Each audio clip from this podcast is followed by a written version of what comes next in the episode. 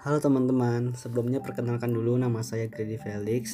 Jadi kita sudah lihat ya bahwa beberapa bulan terakhir corona ini masih menghuni Indonesia.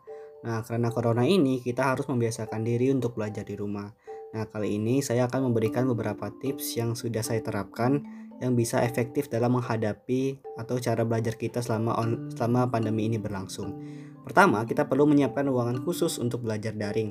Nah, ruangan khusus ini tidak harus kita bikin ruangan baru ya, tapi kita bisa membuat atau menggunakan ruangan-ruangan yang jarang dimasuki orang agar ketika kita belajar itu tidak ada gangguan dari orang lain.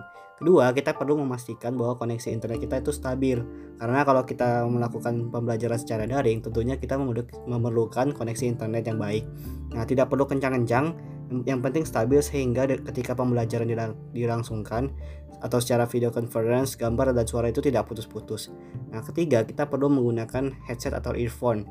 Nah, ketika kita belajar online mungkin ada gangguan suara dari luar ya.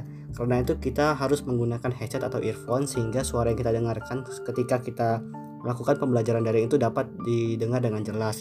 Nah, selanjutnya kita juga perlu men-screenshot atau membuat catatan. Ketika uh, belajar secara online ya, mungkin ada beberapa materi pelajaran yang terlewat begitu saja. Karena itu kita bisa membuat catatan. Mungkin juga karena secara online materi-materi itu mungkin uh, tidak lama ditampilkannya, tidak seperti ketika kita belajar offline ketika materi itu dicatat di papan tulis. Karena itu kita bisa langsung men-screenshotnya saja. Nah, selanjutnya kita juga perlu untuk uh, menyediakan waktu lebih atau uh, waktu luar untuk mereview materi. Nah, karena uh, online ini kadang beberapa materi itu tidak bisa kita terima langsung ya. Karena itu kita perlu menyiapkan waktu yang lebih di luar uh, kelas belajar online. Nah, uh, tentu saja ya kita harus korbankan waktu lebih banyak, tetapi ini akan efektif dan juga kita bisa menambah referensi-referensi dari luar sehingga materi yang kita belajar itu bisa lebih kita pahami. Nah, mungkin sekian dulu tips dari saya ya.